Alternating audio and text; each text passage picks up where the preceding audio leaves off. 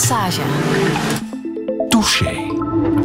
Touché met Margot van der Straten. Goedemorgen. Ook een goedemorgen. Auteur van dit boek, Min Jan, mijn orthodox-Joodse ontmoetingen na Mazeltov. En Mazeltov was dan weer het boek dat je vier jaar geleden uitbracht over jouw ervaringen als werkstudenten bij een uh, Joodse familie. Dat was al een, een succes. Minjan, dat blijkt ook een succes te worden. Heb je daar een verklaring voor? Oh, als ik echt zou weten waarom, zou ik opnieuw zorgen dat ik weer zo'n boek zou schrijven. ik denk wel dat het onlosmakelijk verbonden is, het succes, het succes, met het onderwerp waarover het gaat. En het is de gesloten gemeenschap, de orthodox-Joodse gesloten gemeenschap, die we wel zien, die zichtbaar is in de straat, maar waarvan wij zo weinig afweten en die erg fascineert. Het kan niet anders dan dat dat een van de redenen is van het succes. Zegt iets over onze nieuwsgierigheid. Uh, ja, een lichte vorm van voyeurisme ook, denk ik. Want mhm. uiteindelijk wil iedereen wel graag weten wat er zich achter die schermen afspeelt.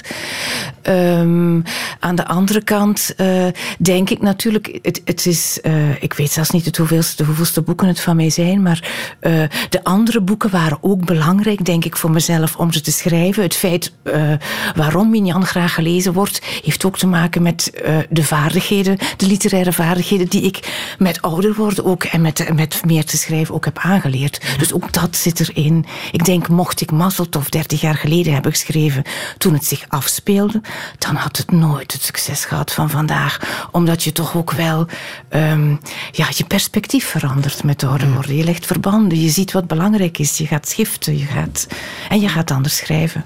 Je schrijft vanuit je eigen ervaringen. Leren we in deze boeken de echte Margot van der Straten kennen? Goh, um, voor, ik denk dat de echte Margot van der Straat in al mijn boeken voor een groot stuk zit. Zelfs in de interviews die ik heb gedaan. Zelfs in Schrijvers gaan niet dood, waarin ik de oudste generatie Nederlandstalige auteurs uh, heb geïnterviewd. Uh, het is natuurlijk zo, in, zowel in Mazzeltof als in Minjan is de ik-persoon Margot van der Straten. Um, aan de andere kant, je leert mij kennen. Um, maar functioneel, als doorgeefluik voor de hoofdinformatie. Ik ben daar toch ook wel een vorm van interviewer. Zelfs in Mazzeltof geef ik eigenlijk, speel ik een doorgeefluik van wat ik zie door naar de lezer, naar de wereld. Uh, dus uiteindelijk de echte, maar als je echt, uh, ja, mijn gevoelswereld enzovoort, dan ga je nog moeten wachten. Dat wordt een ander boek. Dat mag je hier vertellen. Hoe zou jij jezelf omschrijven? Oh, um, uh, per definitie erg nieuwsgierig. Um, iemand die een hekel heeft aan sleur. Uh, iemand die behoefte heeft aan spanning, opwinding, die eigenlijk van een bepaalde graad van onzekerheid houdt, die die nodig heeft. Uh, iemand die van mensen houdt, maar die aan de andere kant de mensen liever van op een afstand waarneemt, observeert, beschrijft. Wil je nog meer weten? uh, wat, wat nog? Luister maar, zolang je doorgaat. Ik, ja, eigenzinnig denk ik natuurlijk ook, want anders ja, anders ga je ook niet schrijven, anders ga je ook niet freelancer zijn. Ik ben mijn hele leven lang, en ondertussen is het toch al meer dan een half eeuw oud, uh, freelancer. In de zin van niet in vast dienstverband. Uh, dus daar, daar zit een vorm van eigenzinnigheid in, een vorm van niet willen afgeven van de tijd. Ik wil graag meester, meesteres blijven van mijn eigen agenda. Uh, dat betekent dat ik soms voor journalistiek heel hard werkte, maar aan de andere, om, om genoeg te verdienen om vervolgens twee maanden onbezoldigd te schrijven. En dus aan, aan een boek. Dus als ik, dat, als ik die vrijheid uh, uh, niet zou hebben, denk ik dat ik een zeer moeilijk mens zou zijn, wat ik misschien vandaag nog ben, maar, in, maar anders. Ja. Eh, er is weinig frustratie wat dat betreft. Dat is wel aangenaam. Bij die streng Joods-orthodoxe gemeenschap wordt jij nu omschreven als Gitte Gotje? Ja, Gitte Gotje, ja. Uh, Gitte vrouw? Ja, ja. Dat ja. is positief, denk ik. Uh, ja, het woord Goite is eigenlijk een, uh, zo beschrijft door met name de religieuze Joodse gemeenschap iemand die niet Joods is. Eigenlijk zit daar een lichte pejoratieve uh, nuance in. Toch wel? toch wel. Het hangt ervan af wie het uitspreekt. Het kan soms ook lichte humor zijn. Chicks is nog erger. Chicks is eigenlijk echt iemand die ja, neerbuigend bijna op iemand die gewoon niet gelovig is en niet, niet het, het orthodoxe Jodendom beleidt. op een bepaald moment word ik een gitte vrouw in, in de relatie met uh, een Daar word je gepromoveerd. Vrouw. En dan zie ik dat, ik denk dat, dat, dat uh, ah. het wordt niet uitdrukkelijk gezegd, maar zelf zie ik dat van oké, okay, ik ben geen goite meer. Ze zien, ik kom iets dichterbij. Ja, ja, en zo, ja. Ja. Dat is wel fijn om, om uh, uh, te ervaren. Ja. en geapprecieerd te worden bij de mensen die je hebt ontmoet. Uh, ja, het gaat op en neer hoor. Ik bedoel, er zijn natuurlijk, als we het nu hebben over Minyan, waarin ik meer de Hasidische gemeenschap belicht, in tegenstelling tot Mazeltov, waar het moderne orthodoxe gemeenschap is. Binnen de Hasidische gemeenschap denk ik dat ik misschien een handvol religieuzen ga vinden die het boek zullen lezen. Terwijl hoogstwaarschijnlijk bijna iedereen er zich een mening over zal vormen.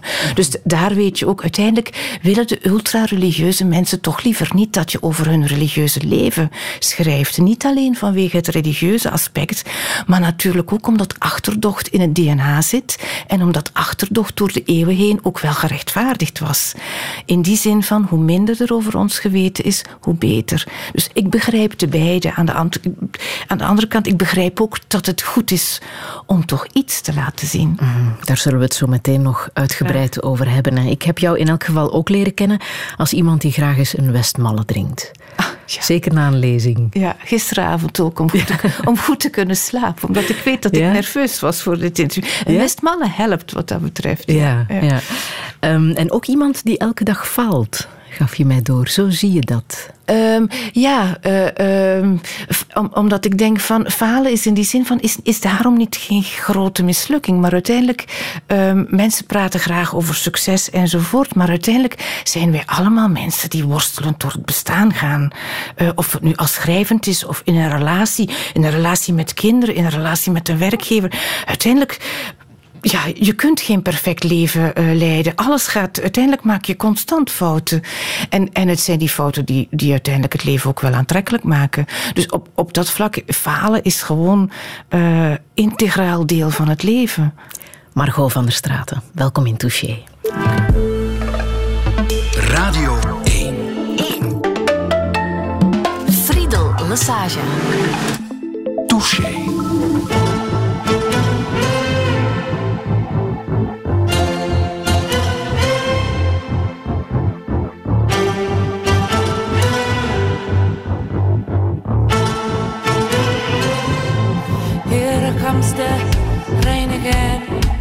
Falling on my head like a memory, falling on my head like a new emotion. I want to walk in the open wind. I want to talk like a lovers do. I want to dive into your ocean, baby. Is it raining with you?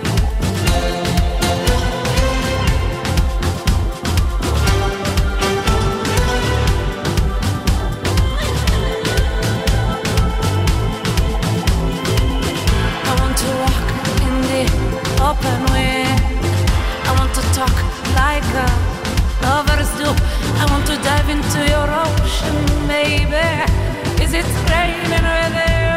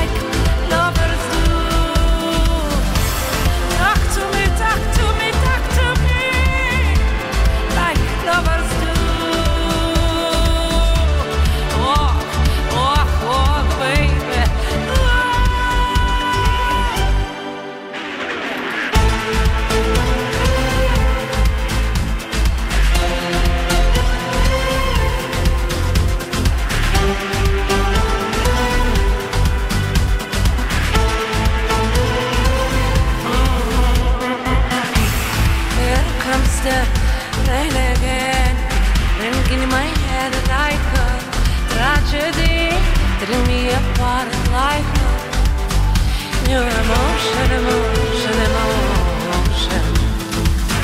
I want to breathe in the open wind. I want to kiss like a lover's do. I want to dive into your ocean, baby. Is it raining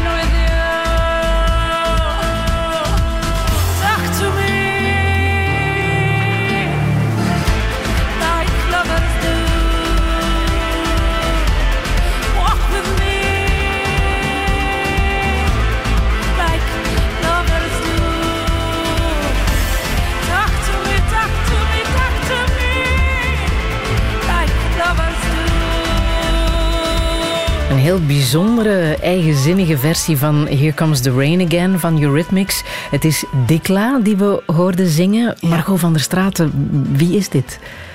Um, wel, heel veel weet ik niet van haar. Maar uh, ik heb haar ooit zien optreden uh, op de Rothschild Boulevard in Tel Aviv. Um, en ik was daar ongelooflijk van onder de indruk. Ook van onder de indruk dat ik haar absoluut niet kende, nooit had gehoord, niks vanaf wist. En uiteindelijk is zij een Israëlische zangeres met zowel Arabische roots als Joodse roots, dus Joods, Joods-Arabisch. Um, en uh, ze zingt, je voelt in dit nummer ook uh, de, de invloed van de Arabische muziek. Uh, ze zingt in het Hebreeuws, in het Engels en ook in het Arabisch. En ik vond de mix van wat zij belichaamt vind ik prachtig. Mhm. En uh, aan de andere kant ook Eurythmics. Dit nummer is ook een nummer uit mijn jeugd. Dus eigenlijk was dit alles dat je... Ja, dat vergeet je gewoon nooit meer. Het zegt misschien ook veel over waar jij zo door aangetrokken bent. Hè? Jij met je westerse roots bent naar die chassidische gemeenschap in uh, Antwerpen getrokken. Ja. Hoewel dat was niet zo makkelijk natuurlijk. Die ontmoetingen die omschrijf je in uh, Minyan. Ja, ja. Um, ontmoetingen die um, op jouw weg komen dankzij Mazeltov, dankzij ja, dat vorige boek dat je hebt geschreven. Mag ik zeggen dat um, jij voornamelijk aangetrokken bent door uitzonderlijke mensen, mensen met bijzondere verhalen, mensen met een leven dat jij niet kent? Dat denk ik. Mm. Ik moet uh, tot die conclusie komen zelf ook. Als, als ik het zo analyseer, zeker in, in Minjan is het ook echt duidelijk, omdat die mensen ook een verhaal gekregen hebben. Maar in mijn leven voordien is het ook zo, maar heb ik er geen verhaal aan gewijd? Of heb ik er niet over geschreven? Ik denk het, ja, ik denk ook, hè, omdat je daar straks vroeg wie, wie, wie ik ben. Ik denk ook dat ik, ook als het mensen betreft, heel moeilijk in staat ben om te multitasken om met meer dan één of twee personen echt uh, uh, om te gaan. Ik zou nooit een arts kunnen zijn of zo, of een psycholoog. -huh. Omdat je dan op een dag uh, de ene na de andere... Ik moet mij kunnen vastbijten in één persoon. En zoals wat je zegt, het is waar. Ik kies er dan uit waar wel wat in te graven valt. Ja. En die... ja, ja, waarachter de schermen heel veel ligt waar ik nieuwsgierig naar ben. En dat is dan niet altijd het religieuze aspect. Neem Dan Solman, uh, de, de fotograaf, ja. uh, die de covers van beide boeken heeft gemaakt en met wie ik een echte vriendschap heb ontwikkeld. Maar die uh, mijn leeftijd heeft, autistisch is.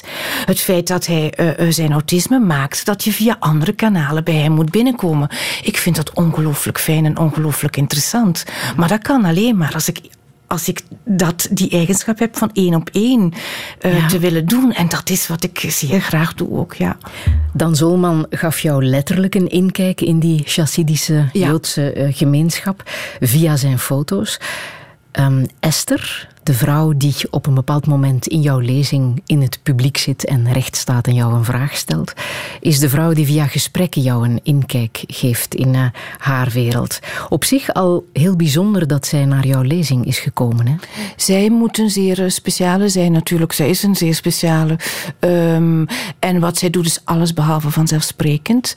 Um, Waarom? Uh, omdat je eigenlijk uh, niet deelneemt aan uh, culturele organisaties van, van de niet-Joodse gemeenschap.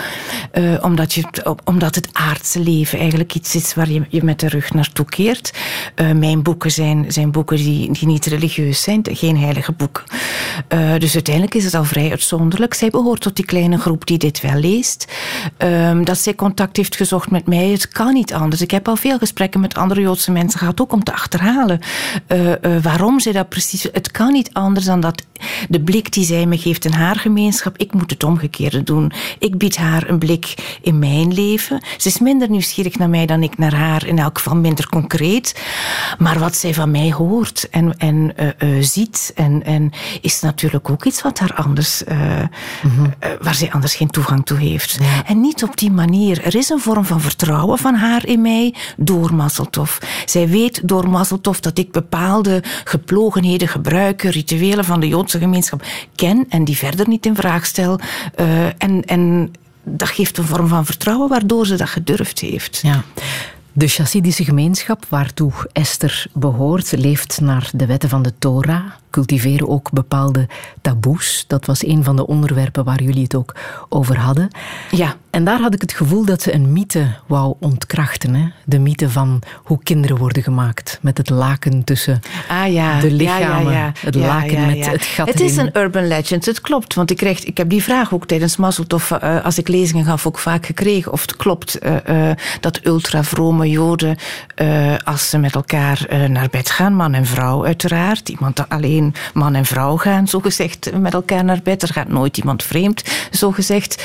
Ehm, of, of het dan klopt dat het met een laken is. Ik, ik heb dat natuurlijk getoetst, ook bij haar. En het is dus... Er is een piepkleine gemeenschap naar verluid, ergens in Jeruzalem, die dat wel zo zou doen. of het waar is... ik ga ervan uit dat wat zij zegt, dat dat klopt. Ik heb geen proefondervindelijk bewijs. Ik ben nooit met een Chassidische man... ik heb daar nooit de lakens mee gedeeld. Um, maar het is kunnen, hè? Uh, nee, maar, uh, nee, maar natuurlijk is het ook niet zo dat wat verboden is niet gebeurt. Dus het is natuurlijk niet zo omdat de religie iets verbiedt dat het daarom niet gebeurt. Op dat vlak geloven ze ook een deel in hun eigen mythe ook. Mm. dat, dat uh, alles, alles wat menselijk is, is ook de ultravrome jood. Niet vreemd natuurlijk. Mm. maar het taboe is zeer groot en het taboe wordt ook echt heel goed bewaakt. van, van Esther, maar ook van andere mensen. Bijvoorbeeld een, een van de dat kinderen um, geen uh, Harry Potter lezen, geen kinderboeken lezen waar ook maar ergens de romantische verliefdheid mag bestaan, omdat binnen de, het Hasidisme de romantische verliefdheid eigenlijk niet mag uh, bestaan. Je wordt uh, voorgesteld aan een partner, je kiest die niet zelf, je laat zeker het toeval geen rol spelen met je partnerkeuze. Dus zulke dingen worden heel bewust in stand gehouden. Mm. En dat, dat zorgt voor wrijving in de gesprekken met mij, maar tegelijkertijd zet het je toch ook aan het denken. Mm. Want kon je kritisch zijn? Had je het gevoel dat jij ook vrijuit commentaar kon geven op hen, op hun strenge regels? Eh, bij, met, uh, in, in mijn dialogen met Esther zeker wel. Ook in mijn mails naar haar. Ik heb dat ook, het werd op een bepaald moment ook een vorm van uh, dat ik de advocaat van de duivel speelde. Omdat ik het ook wel allemaal in functie, niet allemaal, maar bepaalde delen echt in functie van, van een boek deed. Dan moet je uitdagend zijn. Um, dus bij haar kon ik dat op het gevaar af dat ze volledig dicht sloeg. Dat is een paar keer gebeurd. Um, maar dan had ik toch daar ook weer ander materiaal uit. Uh, aan de andere kant, het is niet zo dat je... Ik kom ook maar tot een bepaalde deur. En daarna ja? gaat ook alles dicht. Mm -hmm. um, bij de moderne orthodoxe joden kan je uitgenodigd worden op Shabbos ik, het zou mij zeer verbazen als er een Hasidische familie ooit een niet-Jood uh, op sabbatavond bij hen uitnodigt. Ja. Ik, misschien gebeurt het, maar ik, ik, het mag, dan wordt het een volgend boek. Ook wel bijzonder is dat die twee werelden elkaar niet kennen. Hè? Nee, ik was. Uh, Sylvain Salomon is een modern orthodoxe uh, Joodse man die in het boek ook een rol speelt en die ik ook buiten het boek heb leren kennen, dus nu. Uh, en we werden samen geïnterviewd in, besloten, in een besloten lezing in Antwerpen. En toen vertelde hij bijvoorbeeld ook dat hij door het boek Minyan, en, en hij, is, hij vertegenwoordigt de modern orthodoxe gemeenschap, hij is een modern orthodoxe Jood, dat hij door Minyan zicht heeft gekregen op zijn Hasidische buren, die hij dus niet kent. Ze weten van elkaar, maar ze kennen het dagelijks leven niet. Ze kunnen het, het denkpatroon, het referentiekader van iemand die ultragelovig is, is anders dan van iemand die uh, de moderne wereld aan één kant en de orthodoxe wereld aan de andere kant opneemt als, als referentiekader. Mm -hmm. uh, dus ook, ook, voor hen heb ik een wereld geopend. Zeer raar. Ja, want die regels gaan ver. Hè? Geen internet bijvoorbeeld, want dat is um, ja, een open deur. Zeker bij de kinderen niet. Veel volwassenen hebben het ondertussen wel. Vaak is het filternet. Ja. Dat je het ergens gaat kopen in een, in een Joodse winkel waar, waar je een abonnement krijgt, waar, een bepaal, waar de toegang... Gefilterd tot, abonnement. Waar, waar het ja. gefilterd wordt. Maar geen autorijden voor de vrouwen, dat zit er niet in? Ik denk dat je er een paar zal vinden in Antwerpen die wel uh, autorijden, mm -hmm. maar in het algemeen wordt het niet gewaardeerd. Zelfs met de fiets wordt niet gewaardeerd. Uh, er zijn er die het doen, hè. dus er, er, zijn altijd individuele verschillen en binnen de Hasidische strekking is er ook veel verschil. Uh, maar het, het wordt zeker niet aangemoedigd. Je stelt zelf de vraag in het boek: waar begint de tolerantie te schuren? Moet een buitenstaander met alle religieuze gebruiken rekening houden? Dat zijn vragen die bij mij opborrelen ook. Het mm. is, eh, in, in, in alle gesprekken met Esther is het zo van: ik zoek soms antwoorden, maar uiteindelijk is het resultaat dat ik nog meer vragen heb. Uh, samenleven is zeer moeilijk. Samenleven met uh, uh, andere gemeenschappen maakt het extra moeilijk. Hoe doe je dat? Hoe laat je een minderheid de minderheid zijn, maar zorg je tegelijkertijd dat de meerderheid ook sterk in zijn schoenen staat en zelfvertrouwen kan hebben. En zo, dat zijn constant. Ik denk ook dat dat opschuift. Hè? Dat, dat, dat, je, mhm. dat je constant. Maar die vraag is wel zeer uh, legitiem. Mm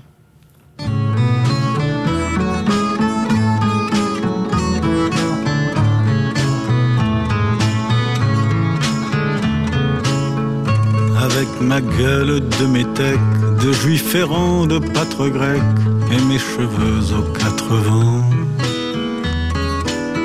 Avec mes yeux tout délavés, qui me donnent l'air de rêver, moi qui ne rêve plus souvent.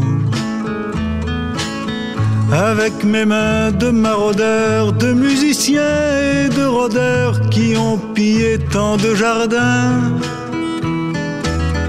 avec ma bouche qui a bu, qui a embrassé, mordu, sans jamais assouvir sa faim. Avec ma gueule de métèque, de juif errant, de pâtre grec, de voleur et de vagabond. Avec ma peau qui s'est frottée au soleil de tous les étés et tous ceux qui portaient jupons avec mon cœur qui a su faire souffrir autant qu'il a souffert sans pour cela faire d'histoire. Avec mon âme qui n'a plus la moindre chance de salut pour éviter le purgatoire. Avec ma gueule de métèque, de juif errant, de pâtre grec et mes cheveux aux quatre vents. Je viendrai, ma douce captive, mon âme sœur, ma source vive, je viendrai boire tes vingt ans. Et je serai prince de sang rêveur ou bien adolescent, comme il te plaira de choisir. Et nous ferons de chaque jour toute une éternité d'amour que nous vivrons à en mourir et nous ferons de chaque jour toute une éternité d'amour que nous vivrons à en mourir. De oerversie van Le Métèque door Georges Moustaki, Margot van der, Stra van der Straten. Het is een nummer dat jou raakt, hè? Uh, ja, ja. Waaraan uh, doet het jou denken? Um, ik moet, uh, het is een nummer, denk ik, van begin jaren zeventig of zo, als ik me niet vergis. En het, doet, het doet mij denken. Uh, met name aan uh, uh, Limburg, waar ik op school gezeten heb. Um, een mijnwerkersgehucht eigenlijk, een, een, deel van Houthalen. Um, en ik zat zowel de kleuterklas als de lagere school heb ik op, op dat school gedaan. En uiteindelijk was het, ja, waren de Vlaamse kinderen in de minderheid. En vooral Marokkaanse, Turkse, Griekse, dus ook Poolse kindjes enzovoort. Daar zaten wij mee in de klas. En ik moet, als ik dit liedje hoor, terugdenken aan die tijd. Omdat ook later zie je dat vanuit een ander perspectief. Hè. Is, is, hij zingt dit, Georges Zingt dit, omdat hij zich zo bekeken voelde toen hij vanuit. Um, hij is een, een Joodse, um, Joodse voorouders heeft hij, die, die uit, uh, als ik me niet vergis, in Griekenland hebben gewoond. Die dan naar Alexandrië zijn verhuisd. Daar heeft hij de Franse school gedaan. Vanuit Frankrijk is hij als tiener naar Parijs gegaan. Dus uiteindelijk heeft hij zoveel gereisd. Maar hij heeft een mediterraans uiterlijk. En hij voelde zich bekeken. avec de métèque, de juif errant de pâtre grec. Als een, als een Griekse herder en als een dwalende, zwervende Jood. En uiteindelijk is het... Um, dan denk ik van, misschien keken wij ook zo naar uh, de migranten die toen mm. uh, in het mijnwerkerschooltje zaten. Hè? Van je kent ze en je kent ze niet.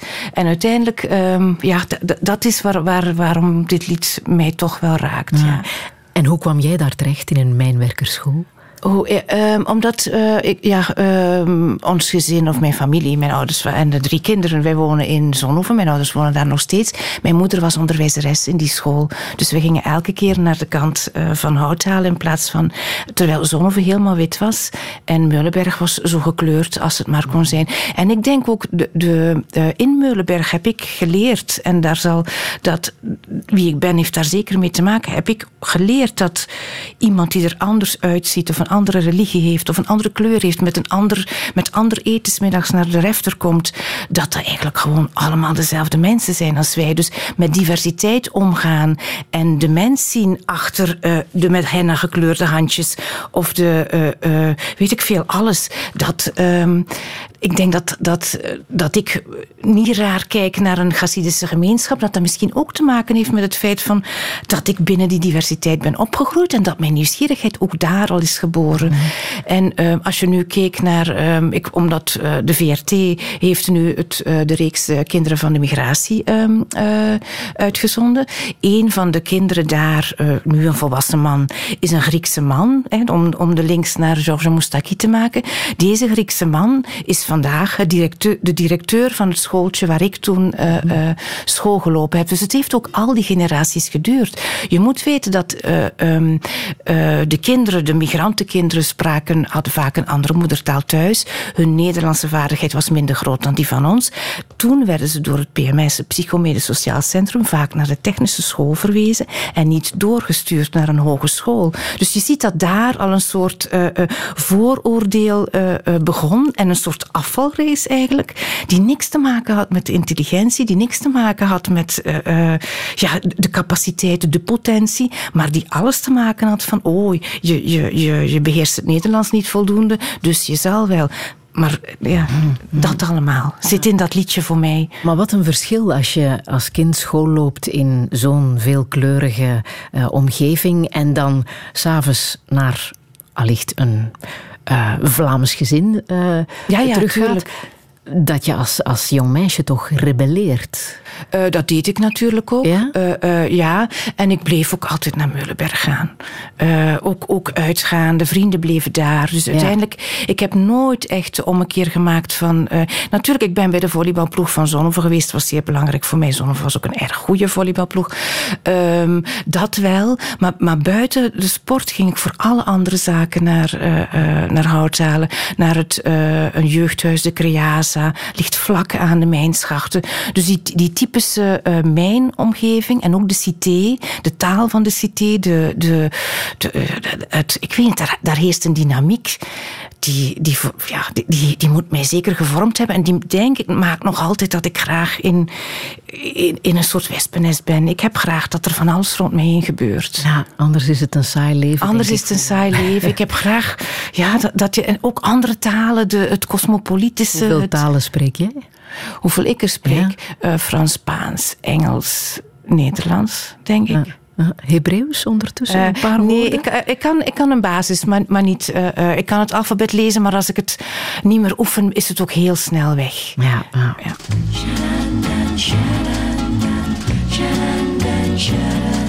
J'avoue, j'en ai bavé pas vous, mon amour. Avant d'avoir eu vent de vous, mon amour. Ne vous déplaise en dansant la javanaise.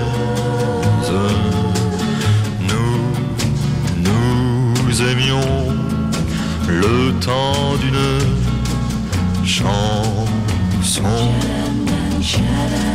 À votre avis, qu'avons-nous vu de l'amour?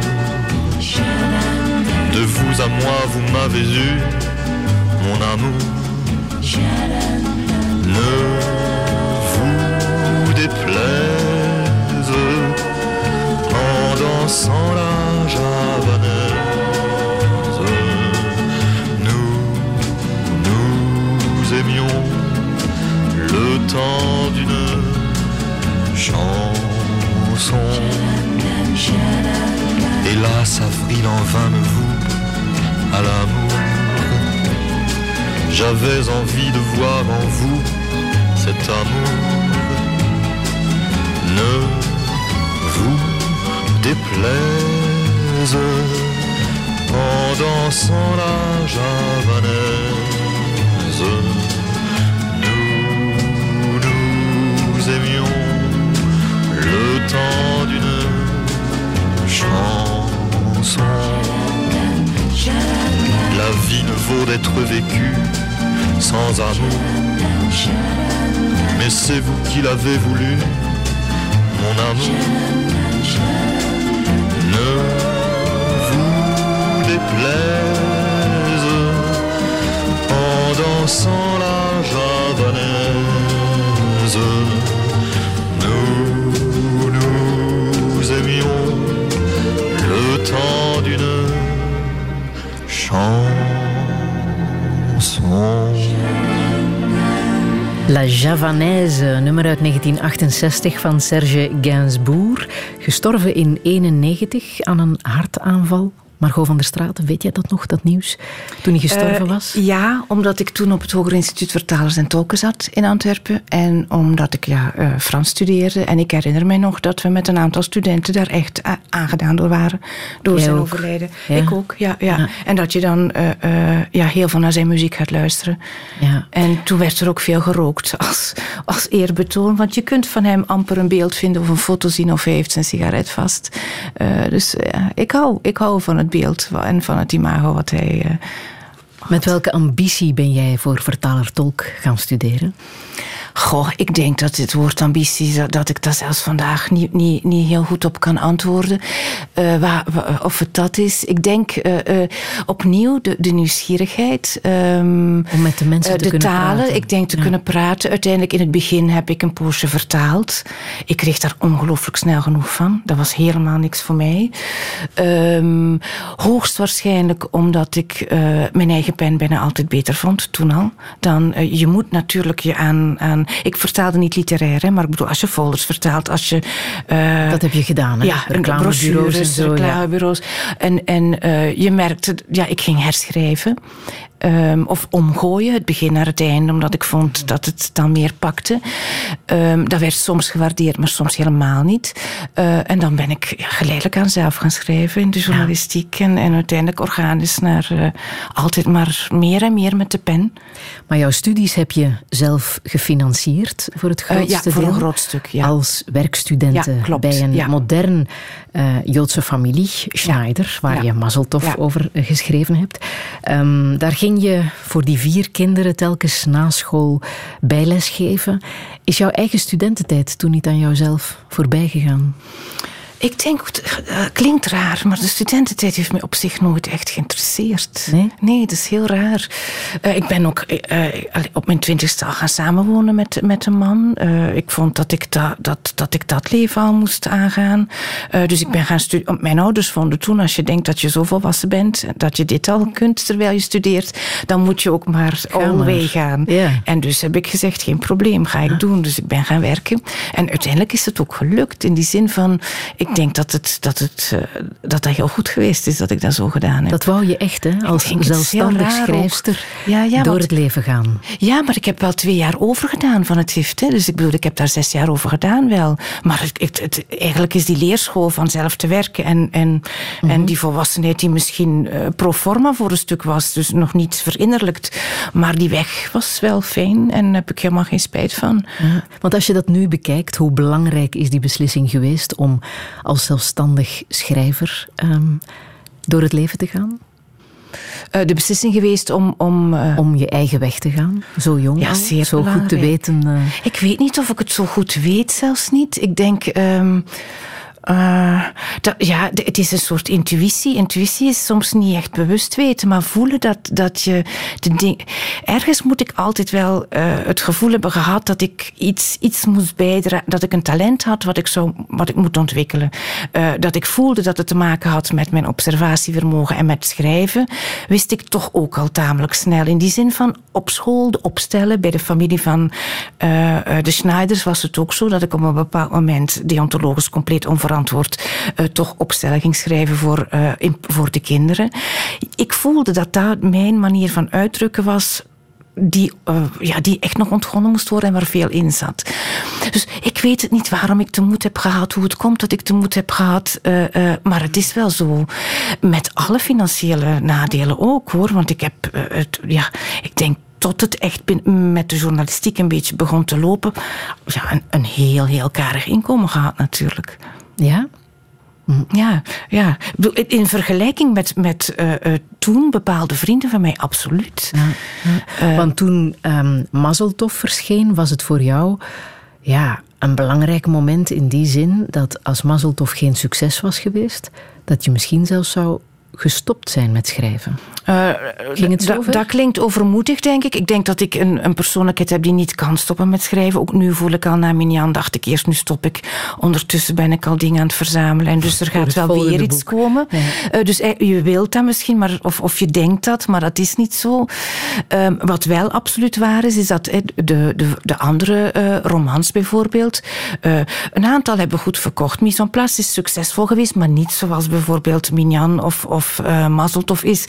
Ik denk wel dat ik uh, um, het, dat, dat de journalistiek is, verantwoord, laat me, is veranderd, laat me dat nog toevoegen. In de zin van alles wat ik vroeger voor de geschreven pers kon doen, zowel qua onderwerpen indienen, als uh, de tijd die je kreeg ervoor om het heel nauwkeurig te doen, als de vergoeding die je daarvoor kreeg, is doordat de hele geschreven pers eigenlijk een compleet ander verdienmodel, zoals dat wordt gezegd heeft, in die laas is helemaal veranderd. Ik zou binnen de geschreven pers niet meer kunnen doen wat ik deed, waardoor ik moest zorgen dat ik een ander inkomen had. Dat hoort er ook bij. Mm. En als die roman het dan, of, of de, de non-fictieve uh, roman het dan niet zo goed had gedaan, dan was ik verplicht geweest een andere job te zoeken. En dan denk ik dat de kans op, op enige bitterheid misschien aanwezig zou geweest zijn. Mm. En dat is eigenlijk helemaal niet fijn, bitter worden. Dus ik ben zeer blij dat dat helemaal niet nodig geweest is. Je hebt je stem gevonden in de, in de literatuur. Zou ja, en ik denk ook dat meer mensen mij gevonden hebben. En dat is ook heel fijn. Ja, Wat zou er van jou geworden zijn als je echt had uh, moeten stoppen na Mazeltov? Wat zou je gedaan hebben? Ik weet dat ik. Uh, Masseltoff is traag gegroeid. Hè. -huh. Het is een, een, boek dat, dat ongeveer een half jaar nodig heeft gehad vooraleer het begon te pieken. dus het is echt van lezer op lezer doorgegaan.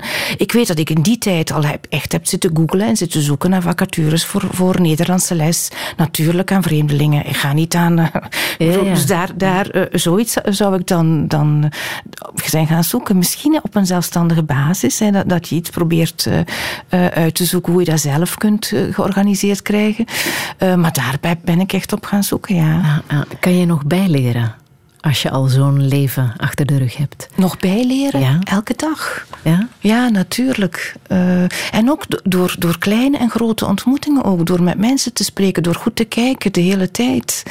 Uh, ik denk als je nieuwsgierig bent, is alles interessant. Daar kan je een heel leven mee door.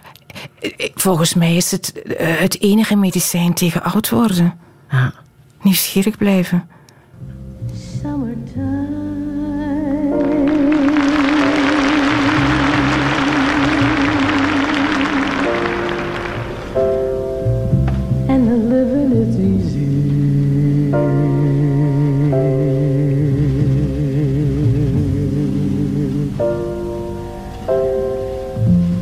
Fish are jumping.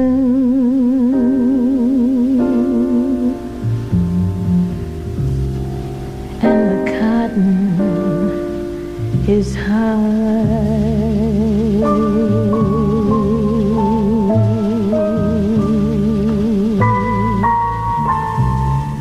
Your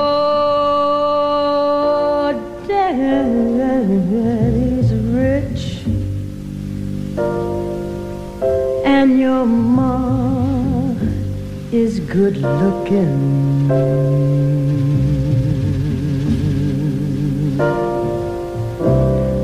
So hush, little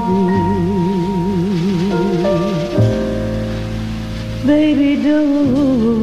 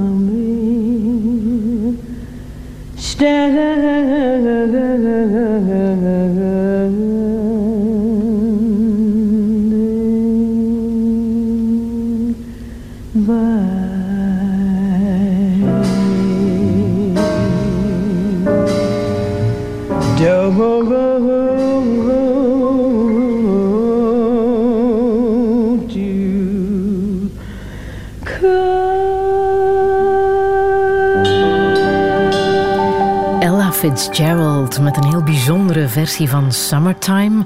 Margot van der Straten, dit wou je absoluut eh, laten horen, hè? Eh, ik vind het een prachtig liedje.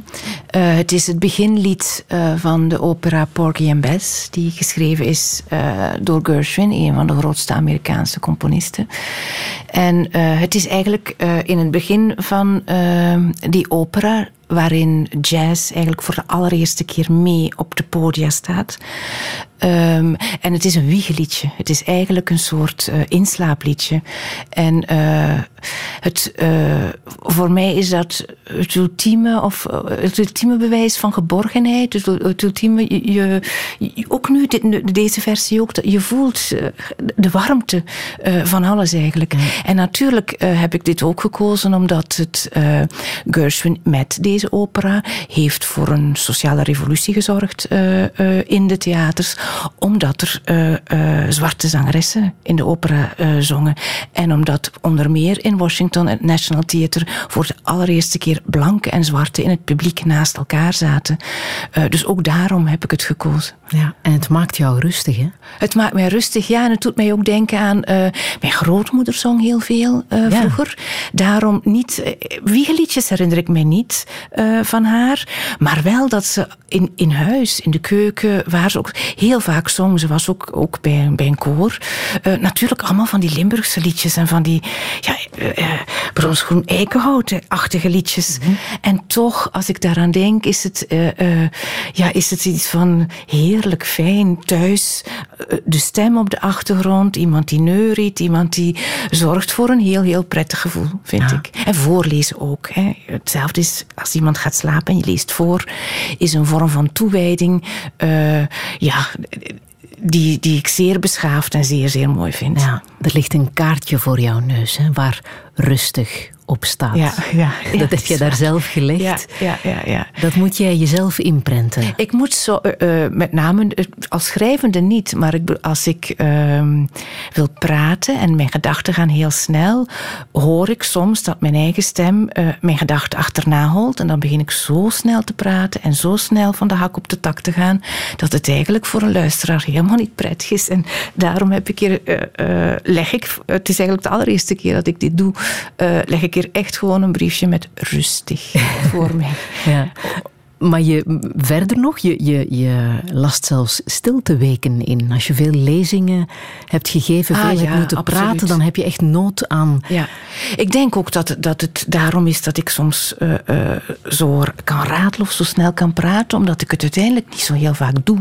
In die zin van, ik breng heel veel tijd in stilte door uh, als schrijvende, omdat ik thuis werk, omdat ik heel vaak alleen ben, hè, omdat mijn man ergens anders werkt.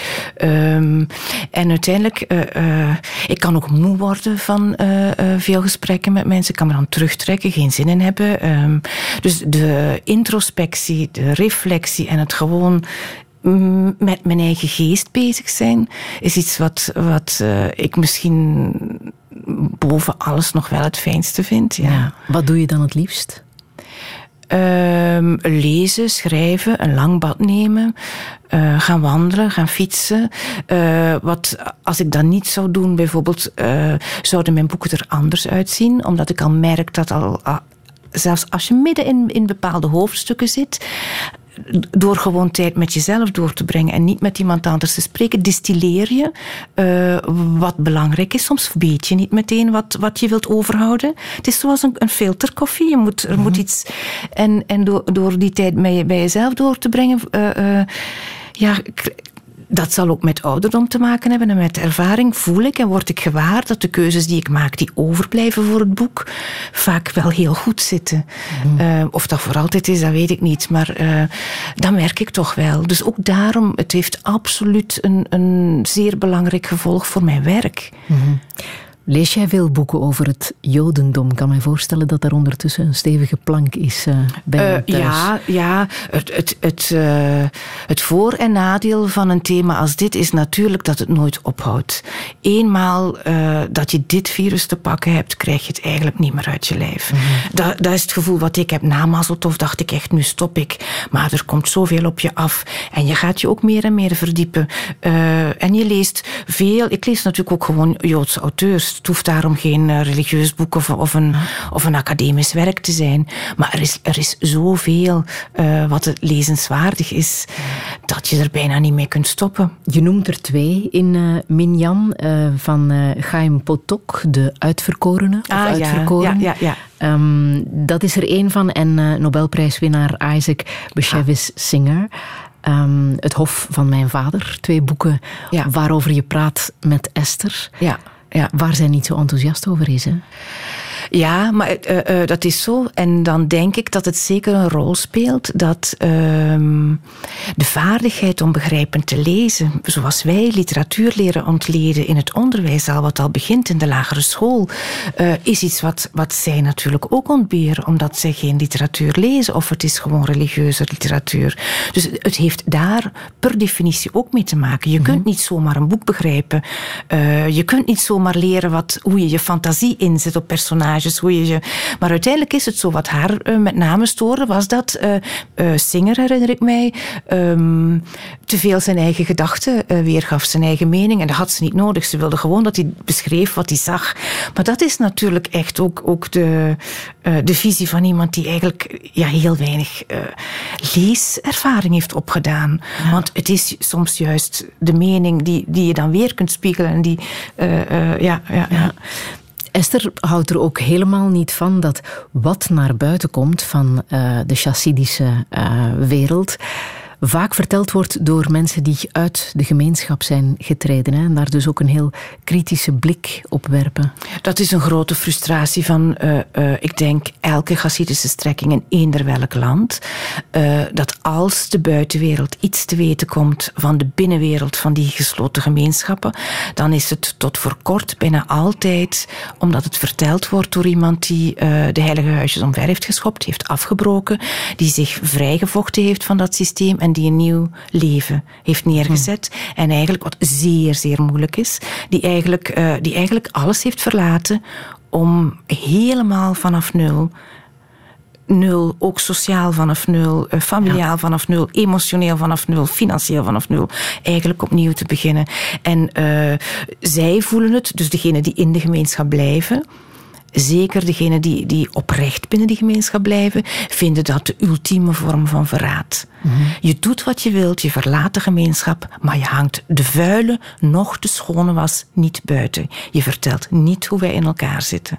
Is dat iets waar jij ook rekening mee hebt gehouden om niet alleen eh, commentaar en kritisch te zijn, maar ook de schoonheid van die gemeenschap te vertellen? Die is er natuurlijk ook ongetwijfeld. En bijvoorbeeld, ehm, zelfs met de mensen die eerst zich hebben moeten vrijvechten, zul je na zoveel jaren later ook wel eh, eh, meemaken dat ze opnieuw zien wat goed was. Eerst moet je soms alles volledig afbreken voor je weer kunt opbouwen.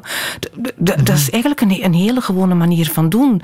Ehm, maar binnen de Hasidische gemeenschap bijvoorbeeld, iets waar ik absoluut eh, ja, bene- wat benijdenswaardig is, is ehm, eh, de- het sociale weefsel. En dan, dan bedoel ik ook echt het, vrij, het vrijwilligerswerk, waar, wat echt echt structureel georganiseerd is. Als daar iemand ziek is, hoeft die persoon niet eens te laten weten dat hij ziek is. Men weet het al via de school. Men gaat regelen dat je soep krijgt. Men gaat regelen dat je kinderen uh, uh, van en naar school gehaald worden, zodat je bij je partner kunt. Men gaat dit, men gaat dat. Je, je, men brengt je naar het ziekenhuis. Je hoeft eigenlijk, die organisatie is, is uh, op een bewonderenswaardige manier staat die, allez, zit die in elkaar. Mm. En ja, je zou, het zou jammer zijn als ik daar geen oog voor zou hebben. Te meer omdat corona bij ons erop gewezen heeft hoe, hoezeer wij uh, uh, op zelfbeschikking zijn gericht en hoe weinig wij uiteindelijk nog weten wat de ander soms nodig zou kunnen hebben. Ja. Um, veel mensen hebben een orthodox gezien. Dat is trouwens uh, muziek uit die Netflix-serie. Dat is het uh, verhaal van Deborah Feldman, ja. die uit de gemeenschap is uh, gestapt. Je hebt haar ontmoet. Je hebt koffie met haar gedronken, met Deborah Feldman. Ja, Deborah heeft eigenlijk aanvankelijk zelf met mij contact opgenomen. Zij ja. heeft in Duitsland de Duitse versie van Mazeltov voorgesteld aan de pers in Berlijn. en daarnaast ja, zijn wij in contact gebleven. De eerlijkheid gebiedt mij wel te zeggen dat sinds de Netflix-serie er is en zij van alle kanten gevraagd wordt, dat het contact verwaterd is. Maar uh, uh, onze kennismaking en onze ontmoetingen in Antwerpen en in Berlijn spelen zich af in de tijd dat uh, de serie opgenomen werd. Mm. toen ik in Berlijn landde voor de voorstelling van, mijn, van de Duitse versie van Mazeltov, stonden daar taxichauffeurs met, het, met een bordje een orthodox. En uiteindelijk bleek dus dat een, dat een heel aantal Hasidische Joden die um, figuranten waren in, het, ja. uh, in een orthodox, uh, die kwamen uit New York. Dus ze, ze, er spelen dus ware Hassiden. Uh, niet de hoofdrolspelers natuurlijk, dat zijn acteurs. Maar de anderen worden eigenlijk gespeeld door echte Hassiden. En ze is in Antwerpen geweest? Ze is meerdere malen in Antwerpen geweest. Dus ja. er komt nog iets? Wel, van mij bedoel je dat van ik, haar? Ik, van haar wel, maar ik wacht er eigenlijk al op. En ik, ik, het verbaast me dat ik, dat ik nog niks gezien heb. Ze zou een boek maken over de zus van uh, Isaac uh, Bashevis Singer. Uh, maar uiteindelijk, op dit moment, heb ik nog altijd niet gezien of dat, dat nu werkelijk al geconcretiseerd is. De zus die in Antwerpen heeft ja, gewoond? Die heeft, ja, heeft in Antwerpen heeft gewoond en die zelf ook heeft geschreven, maar die eigenlijk heel, heel weinig bekend is. Ja. En het zou zeer interessant zijn. en zij heeft zich daarin verdiept. Maar zelf weet ik ook, als schrijfster zijnde, dat het verhaal wat je soms, waar je soms aan werkt, dat je soms een tijd moet laten liggen voor je dat... En dat er zich eerst een ander verhaal opdringt. Dus het is heel goed mogelijk dat wat zij toen wilde schrijven, dat dan nog eventjes op zich laat wachten. Ik zou het haar moeten vragen. Ja. Een Orthodox, nog altijd te zien op Netflix. En ook ja. die uh, ook wel heel aangrijpende documentaire One of Us. One of Us ja. Wat ook gaat hè, over... Tuurlijk, dat, en dat is een bezwaar van, van... De gemeenschap uh, hebben verlaten. Ja, dat klopt. Ja, ja, ja. Er zijn vandaag... Um, er zijn altijd mensen die de gemeenschap willen verlaten. Wat tamelijk nieuw is, is dat er een, een laag is die aan de buitenkant, uh, die Hasidis blijft, die de gemeenschap niet verlaat, maar die eigenlijk binnenskamers, man en vrouw, het, de kinderen soms niet, denk ik, uh, eigenlijk toch wel heel veel van die wetten verlaten hebben. Mm. Maar die niet willen opgeven, de, mm. de hele gemeenschap. Margot van der Straten, wij praten zo meteen verder. Radio Massage. Touché. Touché met Margot van der Straten. In haar nieuwste boek Minjan vertelt ze over haar ontmoetingen na Mazeltov. Haar bestseller over haar leven als werkstudente bij een orthodox-Joodse familie. Een fascinerende inkijk in een wereld die voor gewone ogen vaak gesloten blijft. Al van kinds af wou Margot verder en meer. Allicht hebben haar kleurrijke jaren in de mijnwerkerschool Meulenberg daar iets mee te maken. Maar hoe moet het verder? Van waar haar interesse voor Sabena?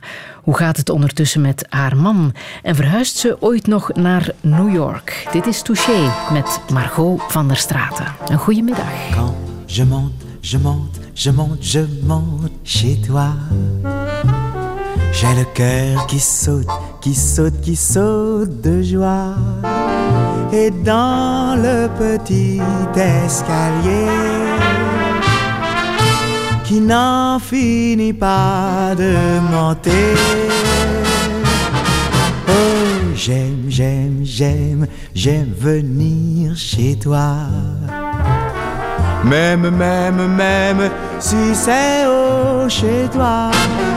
Oh, si ne t'étonne pas si j'ai le cœur qui bat. Quand je monte, je monte, je monte, je monte chez toi. Tu n'as qu'un petit septième de banlieue et tout près d'un lit de bois. Un joli carré de ciel toujours bleu qui s'allume sur les toits. Là-haut, je sais que tu m'attends et je prends tout mon temps. Alors là, je monte là.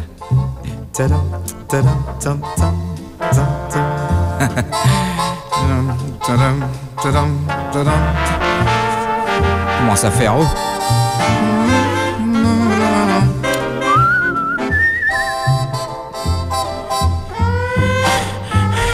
Oh, je te jure, là.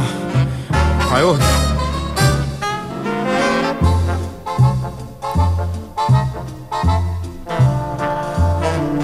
Cinquième étage.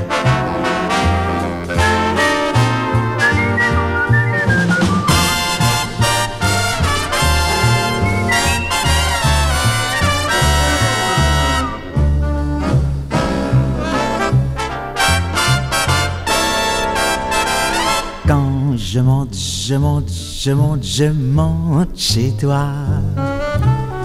J'ai le cœur qui saute, qui saute, qui saute de joie. Et dans le petit escalier qui n'en finit pas de monter. Oh, j'aime, j'aime, j'aime, j'aime venir chez toi. Même, même, même, si c'est haut chez toi.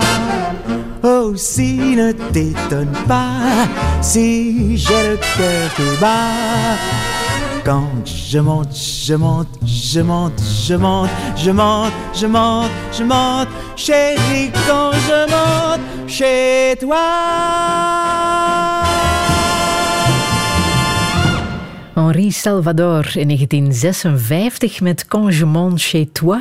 Het is een eh, nummer dat meegeneuried wordt door een van de piloten die meegewerkt hebben aan de nieuwe Canvas-serie, eh, documentaire eh, Ja. ehm, Sabena. Ja. In 2023 zou onze nationale luchtvaartmaatschappij 100 geworden zijn, waren het niet dat Sabena 20 jaar geleden een pijnlijke en veel te vroege dood gestorven is. Daarover heb jij samen met journalist Pascal Verbeke een vijfdelige serie gemaakt die vanaf woensdag te zien is eh, op Canvas, Margot van der Straten. Een geschiedenis die echt een vat vol verhalen blijkt te zijn. Hè? Die geschiedenis van eh, Sabena. Ja, ja, klopt inderdaad. En ik kan misschien even vertellen hoe we ertoe gekomen zijn. Ja. Ehm, daarnet had ik het over dat ik mij moest heroriënteren naar Mazeltov. En eh, dit is eigenlijk ook het gevolg van het heroriënteren toen. Dat ik dacht, ik ga, ga ik nu opnieuw voor de geschreven pers werken of ga ik iets anders doen? Eh, op een bepaald moment stuurde Ru- Rudy Rotier, reisjournalist, onder andere bekend van de Koranroute. Ik weet niet of dat nog iets zegt. En ook De Verscheur, de Staten van Amerika, recenter boek van hem.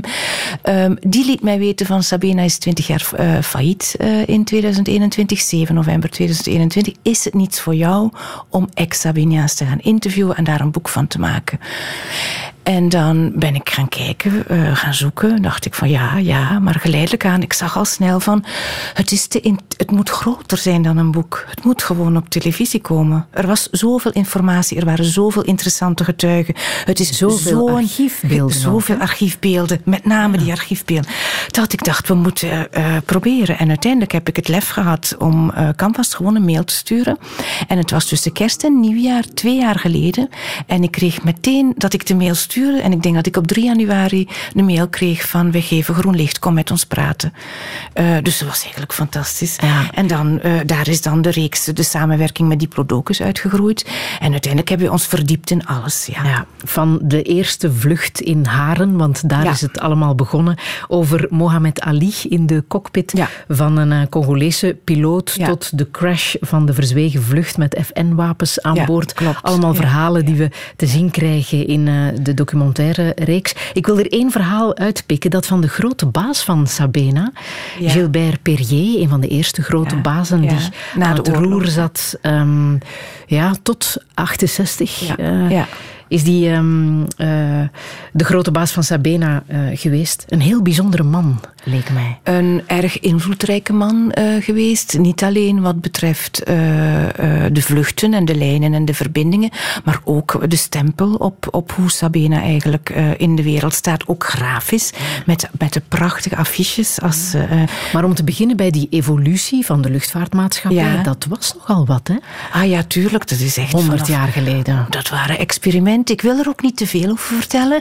Eh, wat ik wel kan zeggen is van het, het is de, dus de, de vijf afleveringen gaan eigenlijk in vogelvlucht over Sabena heen en eindigen bij het faillissement. Maar uiteindelijk verdiepen wij het faillissement niet. Dus het gaat eigenlijk over de, de gouden jaren van Sabena ook. Tegelijkertijd al die moeilijke jaren, de, de eh, sociale onrust die er geweest is, alle injecties van de overheid enzovoort. Eh, maar wat wij geprobeerd hebben met de verhalen is toch door ehm eh, ex-Sabiniaans aan het woord te laten. Met kleine en grote verhalen. En daar zitten prachtige... eh, om, om- omdat zij droegen de maatschappij. Zij droegen de Belgische luchtvaartmaatschappij, die een symbool was voor onze natie. Eh, en je merkte dat nu nog, als je met hem sprak en je interviewde hen. ehm, mm, de piloten krijgen nog altijd eh, lichtjes in de ogen als ze praten over je monte, je monte, je monte. Als ze maar kunnen opstijgen. Als ze terugdenken aan waarom ze piloot geworden zijn. Het begon bijna altijd met vliegtuigjes boven het bed hangen. En met de oorlog, met de, met de, eh, de soldaten zien. En ook in een vliegtuig willen zitten, nieuwsgierig zijn daarnaar. Eh, dus het, het is echt een... een ja, we, we maken een tijdspanne van bijna 100 jaar Ja. in de uitzending. Ja. En die bewuste Gilbert Perrier heeft Ja. ook het ergste meegemaakt wat je kan Eh, meemaken. ja, ja, ja, absoluut. En dan zie je ook dat het lot niemand spaart. Hè. Ook, ook de directeuren en, en de, eh allee, de, de machtigen van de aarde niet. Op een bepaald moment, eh, het is in het begin van de transatlantische vluchten. Je moet niet vergeten, nu zijn we het zo gewoon om, om naar Afrika te vliegen, zelfs zonder tussenlandingen. Het, in het begin van de transatlantische vluchten werd er door Sabena geland in Newfoundland ehm, een tussenlanding Canada om naar New York te vliegen. En uiteindelijk, hij, eh, zijn gezin vliegt mee bij een van die eerste vluchten. Aan boord is ook de eerste stewardess van Sabena, Jeanne Bruiland. Eh, en eh, jammer genoeg stort dat, er is heel veel mist in Newfoundland. En uiteindelijk stort het vliegtuig in Newfoundland neer. En het volledige, niet het volledige gezin. Ik weet niet hoeveel passagiers overlijden het gros van de passagiers is dood. Ook de dochter en de, eh, de echtgenote van meneer Perrier. Een van zijn dochters, Jeanne Perrier, die het overleefde, eh, heeft daar eigenlijk bijna twee dagen in een brandende... eh, ik weet niet welk type vliegtuig het was uit mijn hoofd. Ik denk Douglas, weet ik veel wat. Die hebben echt moeten overleven. Die werden niet gevonden omdat het een jungle was. Dus uiteindelijk ook die vader Perrier wist niet... Hij, was niet, hij wist niet wie het overleefd had, wie niet. En Jeanne Perrier is een van de getuigen ehm, in de eerste reeks. aflevering van eh, deze reeks. En het jammer is, maar aan de andere kant zijn wij blij dat we haar verhaal nog hebben laten doen, dat zij overleden is eh, vorig jaar. Dus we hebben haar geïnterviewd eh, anderhalf jaar, één jaar uit, uit negen maanden geleden denk ik.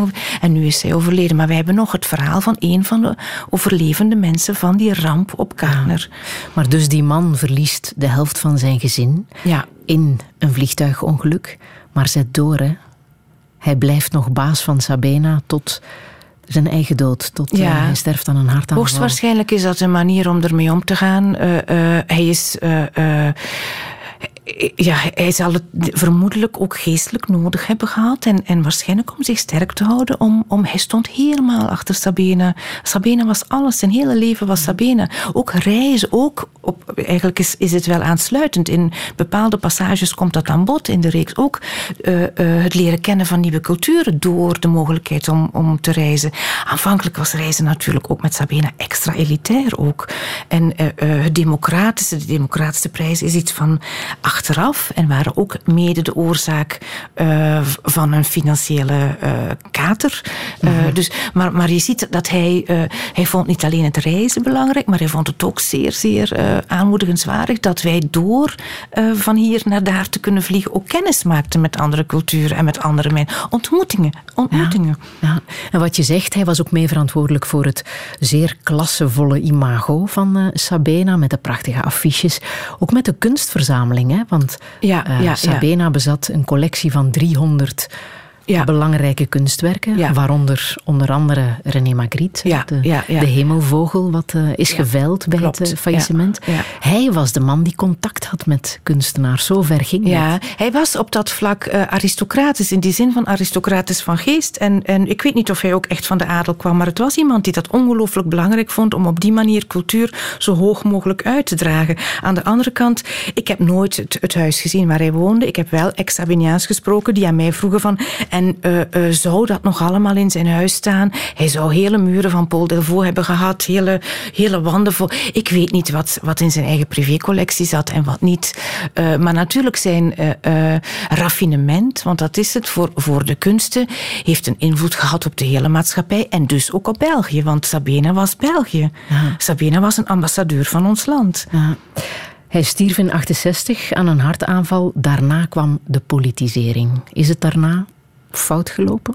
Ehm, dat zal de documentaire eh, geleidelijk aan uitmaken. Eh, hoogstwaarschijnlijk was er al een, een- kiem eh, van dat het, dat het eigenlijk niet, niet lang haalbaar was. Of niet meer te doen. Maar er spelen heel veel factoren mee. We moeten kijken. Ja, ja.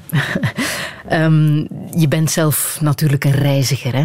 Ja, als jij nu nog één eindbestemming zou mogen kiezen, wat zou dat dan zijn? Ehm, goh, ehm, ik hou ongelooflijk van New York, maar zoals je de vraag formuleert, een eindbestemming, denk ik van wat ik dan het liefst zou, zou doen, is, is op een eh, niet, niet vliegen naar New York. Eh, maar dan zou ik ook niet met de boot, eh, toch niet zo lang die oceaan over. Maar op een, ja, het zou wel moeten natuurlijk, op een andere manier. Dus ik zou de reis zo lang mogelijk willen trekken omdat eh, Ja, ja. eh, de, de weg is even interessant, interessanter dan de herberg.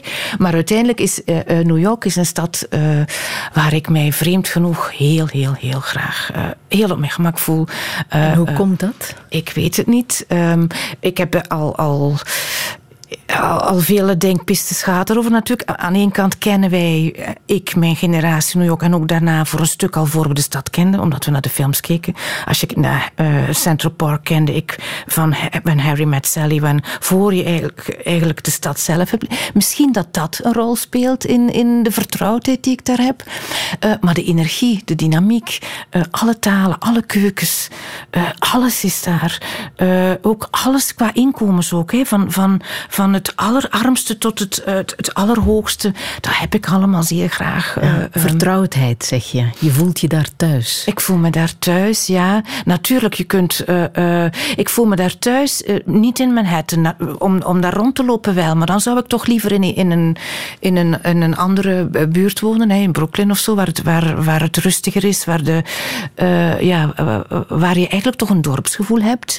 Dat is fantastisch aan New York ook. Dat je zoveel gehuchten hebt en gebieden hebt die, die uiteindelijk allemaal toch een eigen karakter hebben en waar je werkelijk toch nog met elkaar kunt praten en contact kunt leggen. Soms oppervlakkig, maar zelfs oppervlakkige vriendelijkheid is een vorm van fatsoen waar ik dankbaar voor ben.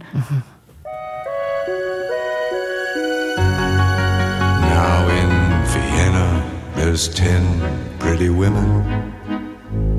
There's a shoulder where death comes to cry. There's a lobby with 900 windows. There's a tree where the doves go to die. There's a piece that was torn from the morning, and it hangs in the gallery of frost. Aye, aye, aye, aye. Take this waltz, take this waltz, take this waltz with a clamp on its jaws.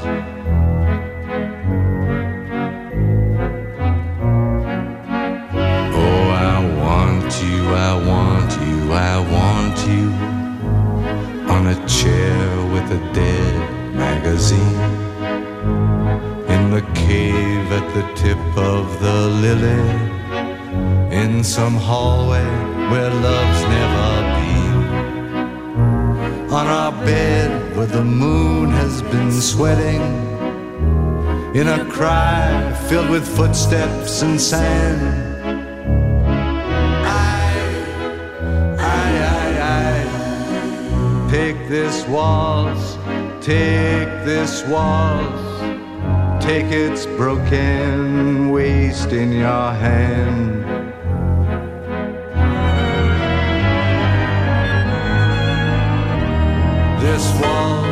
This waltz, this waltz, this waltz, with its very own breath of brandy and death, dragging its tail in the sea. There's a concert hall in Vienna where your mouth had a thousand reviews. There's a bar where the boys have stopped talking. They've been sentenced to death by the blues. Ah, but who is it climbs to your picture with a garland of freshly cut tears?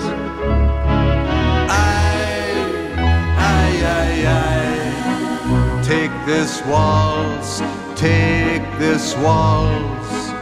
Take this waltz, it's been dying for years.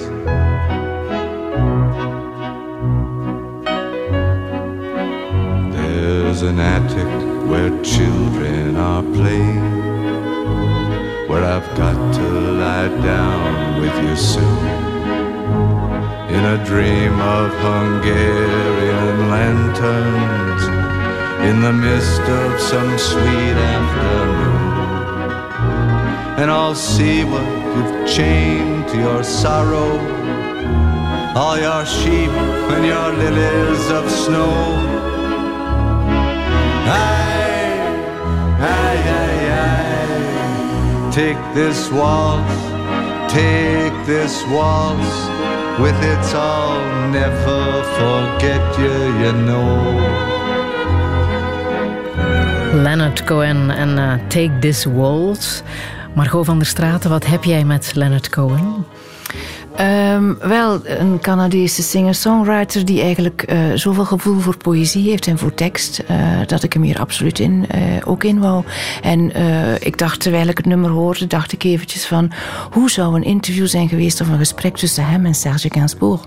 Beide ze hebben echt poëtische teksten, maar ze zijn compleet, beide zijn heel erg bezig geweest met hun imago, maar ze zijn compleet anders. Mm -hmm. ja. Zegt het ook iets over jouw liefde voor New York, uh, Ja, natuurlijk. Uh, Manhattan, first we take Manhattan, then we take Berlin. Is bijvoorbeeld een van de... Wat hij er precies mee bedoelt, is nog maar de vraag uh, met het nummer. Maar ik bedoel... ja, en de cosmopolitische aard van die man ook. De, de wijze waarop hij in het leven stond, is toch... ja, groot, ja. Als jij ooit zou verkassen, dan is het niet alleen, denk ik. Hè? Dan is het met jouw man. Ja, dat hoop ik toch. Ja, ja. dat zal wel fijn zijn. dat is de bedoeling. Ja. ja. Hoe gaat het met hem? Goed, dank je. Ja. Ik vraag het omdat je in Minjan schrijft over de ziekte die hem overvalt. Bij hem wordt keelkanker vastgesteld. Klopt. Hoe hebben jullie gemerkt dat er iets aan de hand was? Uh, een klein keelpijntje. Uh, dat niet overging. Uh, en dan eerst eens naar de arts en dan gewoon, uh, het zal wel overgaan, het is niks. Misschien heb je iets warm gegeten of iets. en dan hebben wij een reis gemaakt en dan zijn we teruggekomen. Is, was het nog niet weg, is hij nog eens naar de arts geweest. En dan werd het van, van naar een specialist. En dan werd vastgesteld dat hij de ideale tumor in zijn keel had. De ideale tumor? Ja, zo, artsen hebben natuurlijk een... Ik, ik vind het een heldere manier om, om iets te verwoorden ook hoor. Dus ik vond het wel welkom dat het zo verwoord werd. Um, en dan, ja, dus uh, dan begon. En het viel echt samen met de eerste lockdown. Maar zo uh, zo verwoord omdat hij te behandelen was. Omdat hij te behandelen was, dat er geen uitzaaiingen waren, dat er geen. Dus uiteindelijk was het uh, goed nieuws bij slecht nieuws, als, het, als je het al goed nieuws kunt noemen. Mm -hmm. uh, um, en het, het, tot nog toe gaat het dus goed. Ja. De laatste controle is heel recent geweest en alles ziet er prima uit. Ja, en de lockdown was in die zin welkom?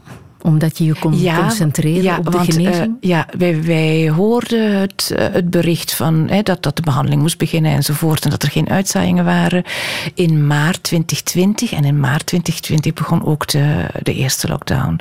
En het viel dus samen, wat ook een voordeel met een nadeel was. In die zin van, we hadden niks anders om ons te concentreren dan uh, de, ra de radiosessies, radiologie-sessies elke dag. En de chemo één keer per week. ik weet niet meer hoeveel, drie, bijna drie maanden dan een stuk, weet niet meer uit mijn hoofd nu. Eh, en, en daar focus je dan op, ja. En je kunt dan ook gewoon echt heel ziek zijn. En aangezien er niks anders is, kun je ook gewoon heel gewoon ziek zijn. Je, moet, je moet, er is geen enkele sociale druk, er is geen uh, beroepsdruk, er is niks. Het, het, enige wat, wat toen belangrijk was, was dat. Ja, je hoefde ook niet iedereen in te lichten. Nee, nee, nee. was nee. ook een voordeel. Ja, dat bedoel ik ook met, met uh, een, een, deel van... Aan de andere kant, het was ook jammer dat we uh, mensen niet konden inlichten in die zin van de quarantaine, het sociaal isolement waar iedereen toegedwongen werd tijdens die lockdown. Je mocht bubbels hebben van uh, drie mensen, geloof ik toen. Maakte dat we eigenlijk ook, ook niemand echt op een, op een gewone menselijke verbonden manier op de hoogte konden brengen. Uh, zelf had ik geen zin in een dagelijks telefoongesprek met mensen die het wisten en die vroegen wist, gaat het goed? En dan, dan dacht ik, dan schrijf ik veel liever beter. En zo hebben wij afgesproken om alleen een kerngroep, hè, de mensen die echt heel dicht bij ons staan, die wisten het. En daarbuiten heeft eigenlijk helemaal niemand het geweten. Ja. Ook mensen die ons tegenkwamen, die het, die het niet zagen of die. Of, of die we, we, vertelden het niet en er werden ook amper vragen over gesteld. Dus het maakte het makkelijk, maar ook wel heel raar. Ja. Want je schrijft ook, de mensen die ik heb ingelicht reageerden ondermaats. Uh, ja, heel in het begin was het zo dat je denkt van ik ga toch. Hè, je, je, zoekt ook. Je weet ook niet zo goed hoe je het moet doen. Als als je niemand wil, liet ook niemand toe. Omdat er uh, uh, elke complicatie zou maken dat misschien de behandeling stopgezet zou moeten worden. Ja, dat, dat, was het laatste wat, wij ons, wat we ons wilden veroorloven. En uiteindelijk, je weet niet. Je, je probeert, je zoekt een weg. En ik, en ik heb het geprobeerd om het te vertellen. en dan denk ik ook dat het ervan afhangt, ook van mijzelf, dat, je, dat er nooit een goed antwoord is. En ik denk omgekeerd ook, mensen die dit ooit aan mij hebben verteld in een gelijkaardige situatie, heb ik ook je weet niet hoe je moet reageren op zoiets. Wat zeg je dan? Hoe doe je dat? Wat? Dus uiteindelijk is het een spiegel van twee kanten. Uh, maar het, zet, het stemt tot nadenken. Waar had je zelf het meeste aan? Uh, ik had het meeste aan zeer daadkrachtige, concrete hulp. Uh, die bijvoorbeeld uh, een Hasidische vrouw, Lea noem ik haar in het boek, geboden heeft. door um, niet enkel te vragen, zal ik soep maken, maar door dat is dan soep te maken. Soep ja. te maken en te, en te zorgen dat die geleverd wordt de eerste keer. En daarna kom je hem halen elke, elke, elke vrijdagochtend of donderdagavond. Uh, zo laat, zo laat. Dus daar, daar het, het, de ruimte geven om, om eventueel zelf te kiezen, zou, zou misschien hebben gemaakt dat ik had gezegd: nee, hoeft niet. Mm -hmm. En hier, die ruimte is er niet. Uh, dus je, er wordt gewoon voor jou gezorgd. Ja. Daar had ik veel aan. Ja, ja. Jouw Joodse vrienden hadden heel veel vragen bij hoe je zoiets doormaakt zonder gemeenschap, zonder familie, zonder kinderen, zonder ja. allemaal mensen die klaarstaan om jou te helpen. Ja, ja, ja. ja. Begrijp je dat? Ja, uh, ja, mijn wereld is natuurlijk een zeer merkwaardige wereld voor hen op alle vlakken. Ik heb geen kinderen. Uh, dat ik, en bewust geen kinderen, wat, wat ik denk dat ze nog steeds niet geloven dat het mogelijk is dat, dat ik bewust geen kinderen wil. Hoogstwaarschijnlijk denken ze dat er een gynaecologisch probleem is. Ik zou het niet weten of er een gynaecologisch probleem is, want ik, ben nooit, ik heb nooit zwanger willen worden. Dus, um, maar voor hen is, is het, het, het hebben van kinderen en eigenlijk van veel kinderen natuurlijk de de betekenis van hun bestaan. Ja. Dus ook dat. En, en, en natuurlijk ook gewoon echt, echt de familieverbanden. De, mijn familie woont in Limburg. Bij hen is het op, vaak zijn ze ook wel ergens anders, hè, in buitenland. Maar dan, dan nog spreken ze elkaar via uh, Skype, WhatsApp, uh, dagelijks. Zo zit ik helemaal niet in elkaar. Mm. Dus uh, op dat vlak heb ik hen ook wel een, een blik gegeven op, op hoe het is. ik denk niet dat zij mij daarin benijden. Mm. Ze kunnen mm. zich dat niet voorstellen. Dat is zo ver van hun ja. Lea en haar familie ja. hebben gebeden voor jou ja. en voor jouw man. Ja. Heeft jou dat geraakt? Uh, ja, vreemd genoeg. Uh, ik zeg daarbij vreemd genoeg omdat ik niet gelovig ben. Uh, maar in die periode waarin uh, ik denk ook er een vorm van machteloosheid is, omdat je overgeleverd bent aan de, de wetenschap en aan wat er zal gebeuren, aan, aan, de, aan de kanker enzovoort. Um, dus er was iets, iets wat ik niet, waar, waar we niks aan konden doen. er was gebrek aan verbondenheid met mijn eigen kringen. En het feit dat dat toch een leegte heeft veroorzaakt en dat zij dat invulde met een gebed voor mij ik vond dat zeer aangenaam, ja. Ik vond dat op een manier... eh, weet je, ehm, soms... Ik, ik doe het nu nog soms. Als je heel erg aan iemand denkt omdat hij een moeilijk moment doormaakt. Of soms kinderen die een examen hebben. Of, of, eh, of, eh, dat je kaarsje gaat branden. Omdat je in gedachten daarbij bent. Dat is eigenlijk niet gelovig. En toch doe ik dat ook soms. En zo voelde ik dat bidden ook. Zo van dat, dat je je verbonden voelt in gedachten. En ik weet heel zeker dat die echt gebeden hebben. En dat om dat te doen ze aan een vast ritueel vasthangen. Dus dat is niet eventjes terloops. Dat hoort, dat maakt deel uit van het gebed. Dus dat is integraal. D- dat deed mij iets, ja. ja. Want dat was ook Niet- het, ja. hetgene in hun gemeenschap dat jou het meest positief eh, overkwam. Hè? De Sabbat, die 24 uur Ja. van vrijdagavond bij zonsondergang tot zaterdagavond. Ehm, dat er weinig mag, Ja, maar alleen ja. die verbondenheid eh, Ja, ja. zo belangrijk Ja, is. Ik zou nooit eh, kunnen verdragen dat iemand mij verplicht om de Sabbat te vieren. Ik denk ook dat als ik, een pu als, ik eh, als puber bij mijn, samen met mijn ouders elke, Elke vrijdagavond en elke zaterdagmiddag en naar de synagoge en ik had het er niet uitgehouden. Maar het is helemaal niet moeilijk voor mij om de humanistische waarde van een Sabbat te zien. Uiteindelijk, wat is een Sabbat? Eh, reizen is, is verboden in die zin van je mag maar x aantal stappen zetten, je mag zeker geen transportmiddel gebruiken.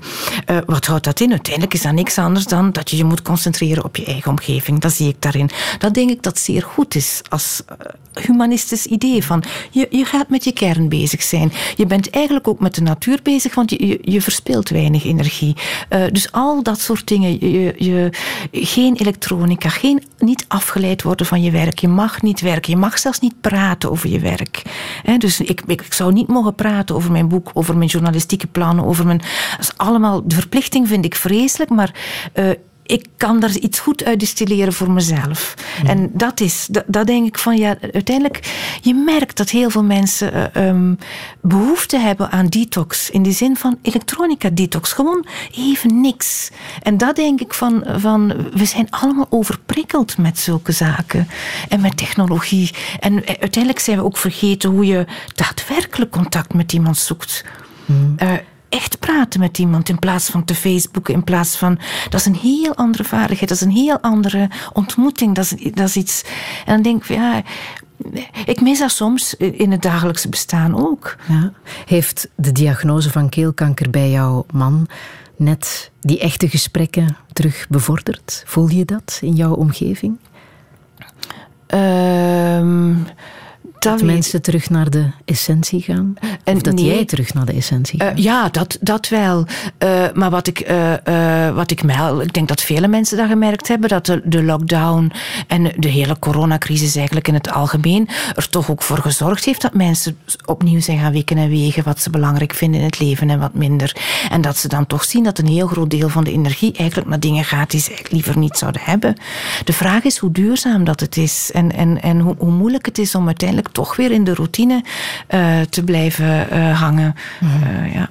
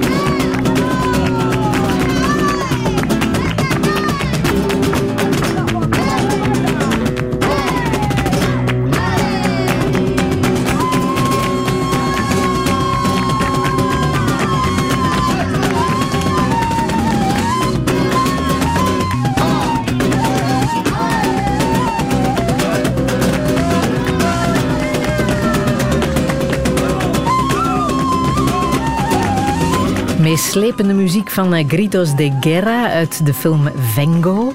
Ja. Margot van der Straten, moet ik jou tegenhouden? Zou jij helemaal losgaan op deze flamenco-muziek? Eh, ik, ik, eh, mijn danstalent is erg beperkt, moet ik zeggen. Ehm, eh, en ik denk het gevoel van ritme zit voor mij vooral in de taal. Maar ik kreeg echt ongelooflijke buikkriebels van deze muziek. Dus dat, Ja? dat spreekt mij aan, eh, letterlijk op En wat dan? Eh, ik denk het volkse karakter ervan. Ehm, en eigenlijk, eh, eh, als je zo denkt van eh, daarnet Ella Fitzgerald en Porgy and Bess enzovoort, de, de jazzmuziek, zo het, het volkse karakter van, van muziek is, is toch iets wat, ja, waar, ik, waar ik nooit ongevoelig voor kan blijven. Wat ik nu, terwijl ik hier zat te luisteren, bedenk is van, natuurlijk, dit is de Zigeunergemeenschap. Dat is een prachtige film trouwens, Benko. Het is lang geleden dat ik hem zag, geef ik toe. Ik zou het verhaal niet meteen kunnen samenvatten, behalve dat ik weet dat er een, een eermoord eh, eh, eh, mee te maken heeft, herinner ik mij. Maar natuurlijk, Zigeuners zijn ook een gesloten gemeenschap. Natuurlijk is het leven binnen een eh Zigeunergemeenschap ook iets waar, waar we wel, wat we wel zien, maar waar we eigenlijk heel, heel weinig van af weten. Dus dat heeft het dan gemeen. Zelfs de Sabiniaans vormden een gemeenschap op zich, hoor. Dus als, als ik zo denk van, ja... ehm, maar wat mij hierin aanspreekt, is, is dat... en toen ik ehm, het, op het idee kwam voor, voor de reeks van Toen verbleven wij, dat is in 2019, de, de winter van 2019, eh, tot, tot februari verbleven wij in Valencia, in Cabanyal. En een Cabanyal is de streek met zigeuners, eh, waar eigenlijk die cultuur nog aanwezig is en die het ook niet makkelijk heeft. Hè. Ehm, ja, ja. En zo'n culturen ontdek jij ook heel erg graag via de keuken. Hè? Ah, via ja, wat er op natuurlijk. je bord komt. Ja, ja, dat klopt. Een hele grote liefde voor eh, wat er in de keuken gebeurt. Weet je van waar dat, dat komt? Oh, ik denk, eh, eh, thuis werd altijd heel goed gegeten, ook heel vers gegeten. Eh, in de zin van alles wat op het bord kwam, kwam uit de tuin. Dus niemand kan mij wijs... Allee, ik weet echt hoe alles groeit, hoe alles eruit ziet, hoe iets moet ruiken, hoe iets vers eruit ziet, hoe je het plukt enzovoort. Alles dan bedoel ik onze westerse ingrediënten. Want er zijn natuurlijk ingrediënten die ik hier ook niet zie groeien. Ehm, er werd goed gegeten thuis. Ik denk verder heeft het vooral te maken met... ehm, eh, met het feit dat eten voor mij veel meer is dan gewoon eh, een bord of iets wat vols, maar dat er altijd gepaard gaat met verhalen, met samen aan tafel zitten, met traditie. Als ik het nu betrek op de Joodse gezinnen, maar ook op, op die gezinnen in Meulenberg bijvoorbeeld. Altijd is wat je eet eh, hangt vast met waar je vandaan komt. Als je in een ander land woont dan waar je vandaan komt, heeft het is het altijd zalf op je heimwee. Het, het maakt altijd dat je je weer eventjes thuis voelt, waardoor je ook weer gaat praten over vroeger. Dus eten is, is eigenlijk, ja, alles zit daarin. Zelfs als je de ingrediënten gaat, gaat uitzoeken, ben je ook alweer vertrokken. Dat jij ooit een brasserie zou openen, Ah, dat ja. stond in de sterren geschreven. Goh, dat ik dat zou, zou doen, eh, dat weet ik niet. Eh, eh, Het is wel gebeurd. Maar ja, ja, ja, het, het is gebeurd. Ehm, eh, ja, het, het ligt eigenlijk in de lijn van der verwachtingen. Ja, dat is absoluut zo. Het was een zot idee als er ooit een pand te huur komt op het Conscienceplein in Antwerpen. het mooiste tegen- plein van ja, Antwerpen. En aan de erfgoedbibliotheek en aan de man die zijn volk leerde lezen. Dus En onder de boom. En onder de boom plaatje. door Ja, Panamarenko. Ja, dan, Dan? eh, ja, ja, dat is zo. En Toen het, stond er een pand En toen stond het te huur, ja. En het stond eigenlijk te huur net eh, eh, voordat wij voor drie maanden naar Valencia gingen. Dus uiteindelijk is het toen, heeft, heeft Ernst een eh, ander werk opgezegd, is dat gaan tekenen. En, en hij is eigenlijk alle, alle mogelijke dingen al gaan kopen terwijl we in Valencia waren. En die is begonnen in mei. Ja. Vanaf, En wat voor brasserie is het geworden? Welke keuken wordt daar geserveerd? Eh, de Franse keuken met een, met een eh, hedendaagse eh, touch eigenlijk. Het hangt er ook vanaf, de suggesties variëren. Een, een, maar je kunt er ook gewoon een, een, een Westmalle drinken. Of een, dus het, Ah, het, ja. is, het is zeer belangrijk, vind ik, dat, dat, dat het niet alleen restaurant is. Want we willen dat mensen ook gewoon kunnen komen die niet willen eten, maar die natuurlijk misschien niet tijdens het diner, eh, eh, maar wel d- dat, de verbondenheid die, die plaatsvindt dan. Want dat is ook tafelen. Ja. En dat is een plein nog veel meer. Op een plein, een plein heeft alles wat te maken heeft met hoe je elkaar tegenkomt, wie elkaar anders niet ziet, komt elkaar kruist, elkaar praat, je gaat staan, er is een bankje, alles wat je daar ziet. Steden zouden zo in elkaar moeten zitten. Steden zouden moeten kijken naar hoe vroeger eh, de dingen ontworpen werden en eigenlijk dat opnieuw toepassen. Ja, wil jij ook het manier van terug samen eten eh, terugbrengen naar, naar de oorsprong? Door. Ik denk dat dat ongelooflijk belangrijk is. Ook dat is een van de zaken die, die Sabbat dus wel doet. dat, dat je dan uh, uh, echt samen eet en, en praat en niet afgeleid bent. Geen tv, geen muziek, geen... Of het allemaal zo streng moet, is iets anders. Maar per definitie komen dan dingen tot stand die anders niet tot stand komen. En als het ingebouwd wordt en, en je probeert het te doen... Eten is toch heel dikwijls de allermooiste manier van met elkaar te communiceren. Mm. Is aan een tafel.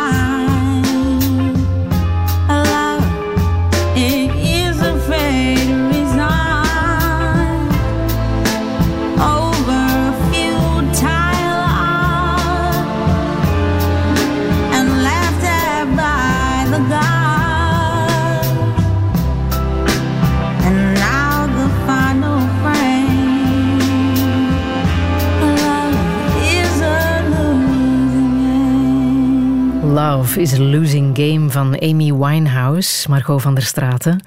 Wat heb je met Amy Winehouse? Um, goh. Uh, zij heeft zoveel aangrijpende nummers uh, geschreven, vind ik. En uh, ik vind ook haar hele levensverhaal ongelooflijk aangrijpend. misschien zou ik haar, um, of, of misschien hangt het zelfs vast met haar levensverhaal en met haar jonge, tragische dood. Uh, zeer kwetsbare vrouw, tegelijkertijd ongelooflijk sterke vrouw. Uh, pijlsnelle carrière. Uh, eigenlijk een heel gewoon meisje uit een gewone mm. achtergrond, die dan, ik weet niet op hoeveel jaar tijd, maar een wereldster wordt, die de foute vriendjes heeft, die verslaafd raakt en die eigenlijk op vele manieren verslaafd raakt. Alcohol, drugs, anorexia, eigenlijk alles. En ik zo een uniek talent. Mm dat, ja. Zat er een rode draad in jouw muziekkeuze? Um, ja, uh, toen mij gevraagd werd om, om toch eh, te bedenken welke liedjes ik eventueel graag zou horen bij deze uitzending, dacht ik van ja, wat doe je dan? Hè? Er is, uh, hoe, hoe, hoe, kies hoe, kies je? Hoe kies je? Er is zoveel en, en je kunt ook zoveel rode draden zoeken. En uiteindelijk heb ik gekozen um, alles, alle liedjes behalve Bengo dan, uh, behalve de flamenco, zijn afkomstig van mensen met de Joodse roots.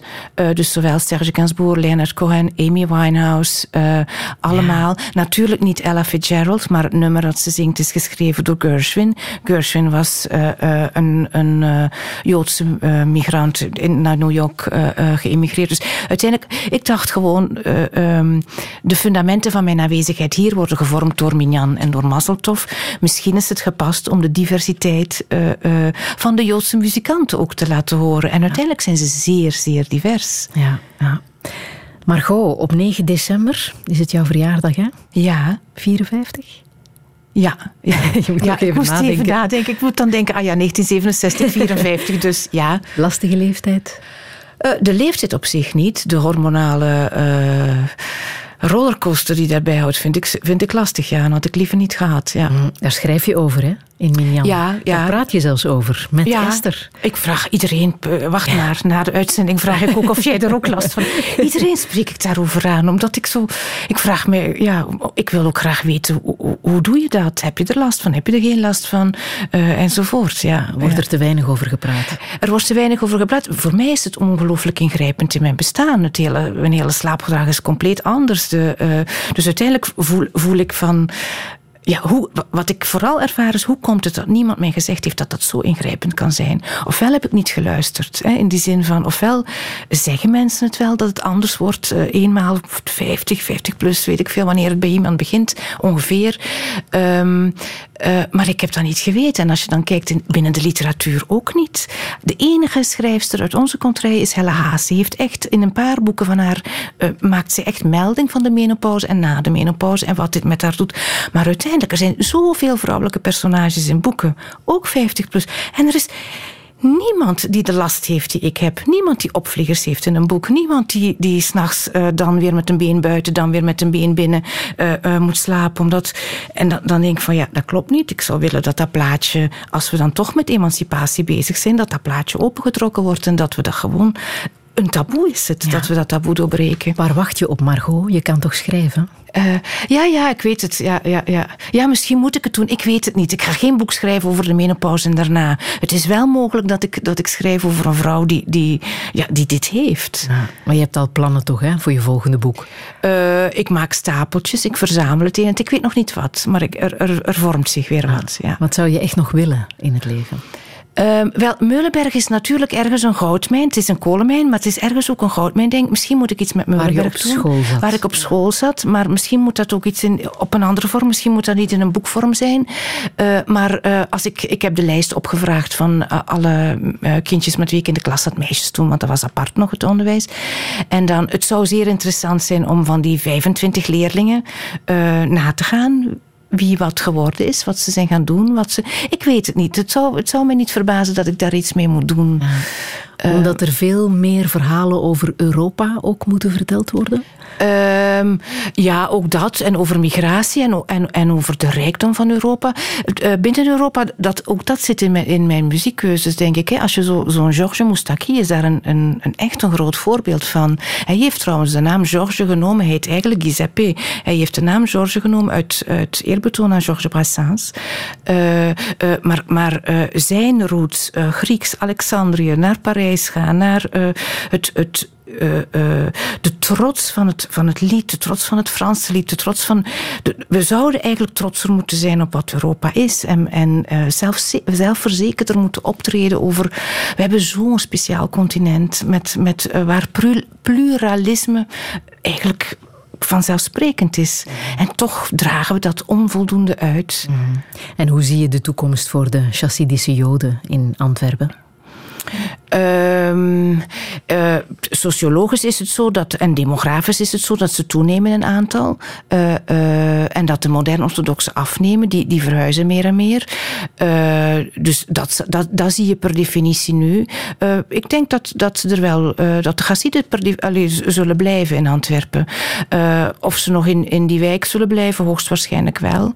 Um, maar komt er ooit een ontschoeling, zoals je schrijft in uh, Jan? Ja, maar dat, dat zal traag gaan. Ik denk uh, uh, dat het vooral zo zal zijn dat je in, in eerste instantie het, het soort gaat, jongere Hassiden gaat krijgen die pro forma aan de buitenkant wel Hassid zijn, maar die eigenlijk hun religieuze leven minder vroom leiden binnenskamers. Als buitenstaander gaan we dat niet merken. Dus dat gaat de eerste evolutie zijn. En, Zoals bij de ontkerkelijking. Zo ja, ja, maar hier is de vraag van, ik, ik denk, als ze de gemeenschap verlaten, zijn ze er echt uit. Dat gaan ze niet willen. Bij ons is dat nooit zo. zo. Het blijft een minderheid natuurlijk. En de minderheid moet zichzelf ook wel in stand houden en versterken. Dus we, we zullen zien hoe, welke kant het op gaat. Mm -hmm. uh, maar interessant is het zeer zeker. Mm -hmm. Welke boodschap wil jij nog meegeven? Aan de luisteraar. Ehm, ik denk van eh, eh, wat, wat ik zeker met uh, um, in Minjan, maar ook met de familie Schneider mee heb gekregen, is dat, en dat komt misschien ook met het falen, wat, wat heel in het begin van de uitzending zat, is dat um, het leven vooral gevierd moet worden. In die zin van lichaim, zeg je in het ja. Hebreeuws. op het leven, in die zin van als je weet, ik praat over Simon Gronowski, die in de onderduik heeft gezeten tijdens, uh, tijdens de oorlog. Ik heb met een aantal mensen uh, gesproken, met naam en toenam noem ik ze niet altijd, die uh, de oorlog als kind hebben overleefd, maar die er toch in zijn geslaagd om, om het allerbeste van zichzelf te geven en het, het allerbeste uit hun leven te halen. Dus die veerkracht, dat vallen, maar dat toch kiezen om, om niet gewoon te bestaan, maar om het leven te leiden dat je wilt leiden, dat vind ik toch wel bewonderenswaardig. Ik heb nog Ten CC met Dreadlock Holiday. Ja. Waar zit de rode draad? Uh, dat zijn ook Joodse jongens. Ja. ja Goldie en Cream zijn Joden ook. Hè, dus dat zat ook bij mijn keuze. Maar het, het, lied is absoluut niet Joods. Wat interessant is, van, ik zag dat onlangs opnieuw, dat clipje, heel toevallig. Uh, en dan, uh, het gaat over Jamaica. Hè, en uiteindelijk is het, en het hangt ook samen met Sabine, uiteindelijk is het liedje, de tekst van het liedje, is eigenlijk een soort spotten met de toerist die naar Jamaica gaat en die met dreadlocks terugkomt en die dan denkt dat hij Jamaica heeft gezien. Net zoals je naar Mexico gaat en met een grote sombrero terugkomt en denkt dat je het hebt gezien. En wat ik wel nog wil zeggen is van uh, geestig was dit keer van ik dacht toen dat dat in Jamaica opgenomen was. Als je naar dat clipje kijkt, zie je dat het gewoon de stenen stranden heeft van Groot-Brittannië. Je ziet de cliffs van Dover. Het is dus gewoon in, uh, vond ik wel heel geestig. Ja.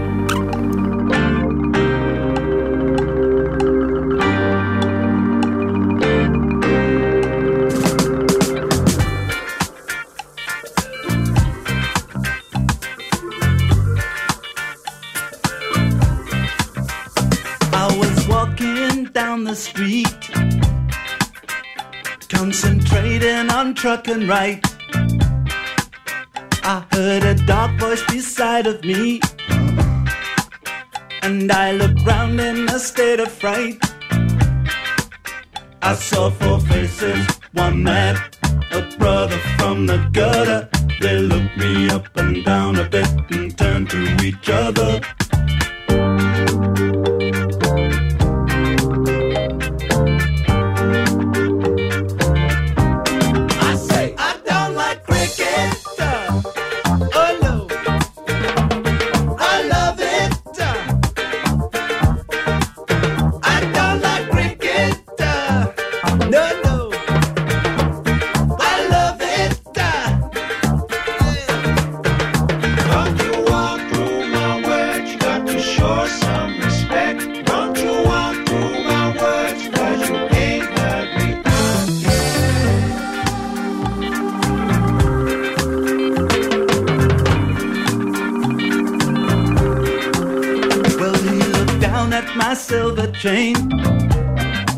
Dreadlock Holiday van 10cc met grote dank aan Margot van der Straten. Alle info over de dingen die hier ter sprake kwamen kan je nalezen op onze website radio1.be.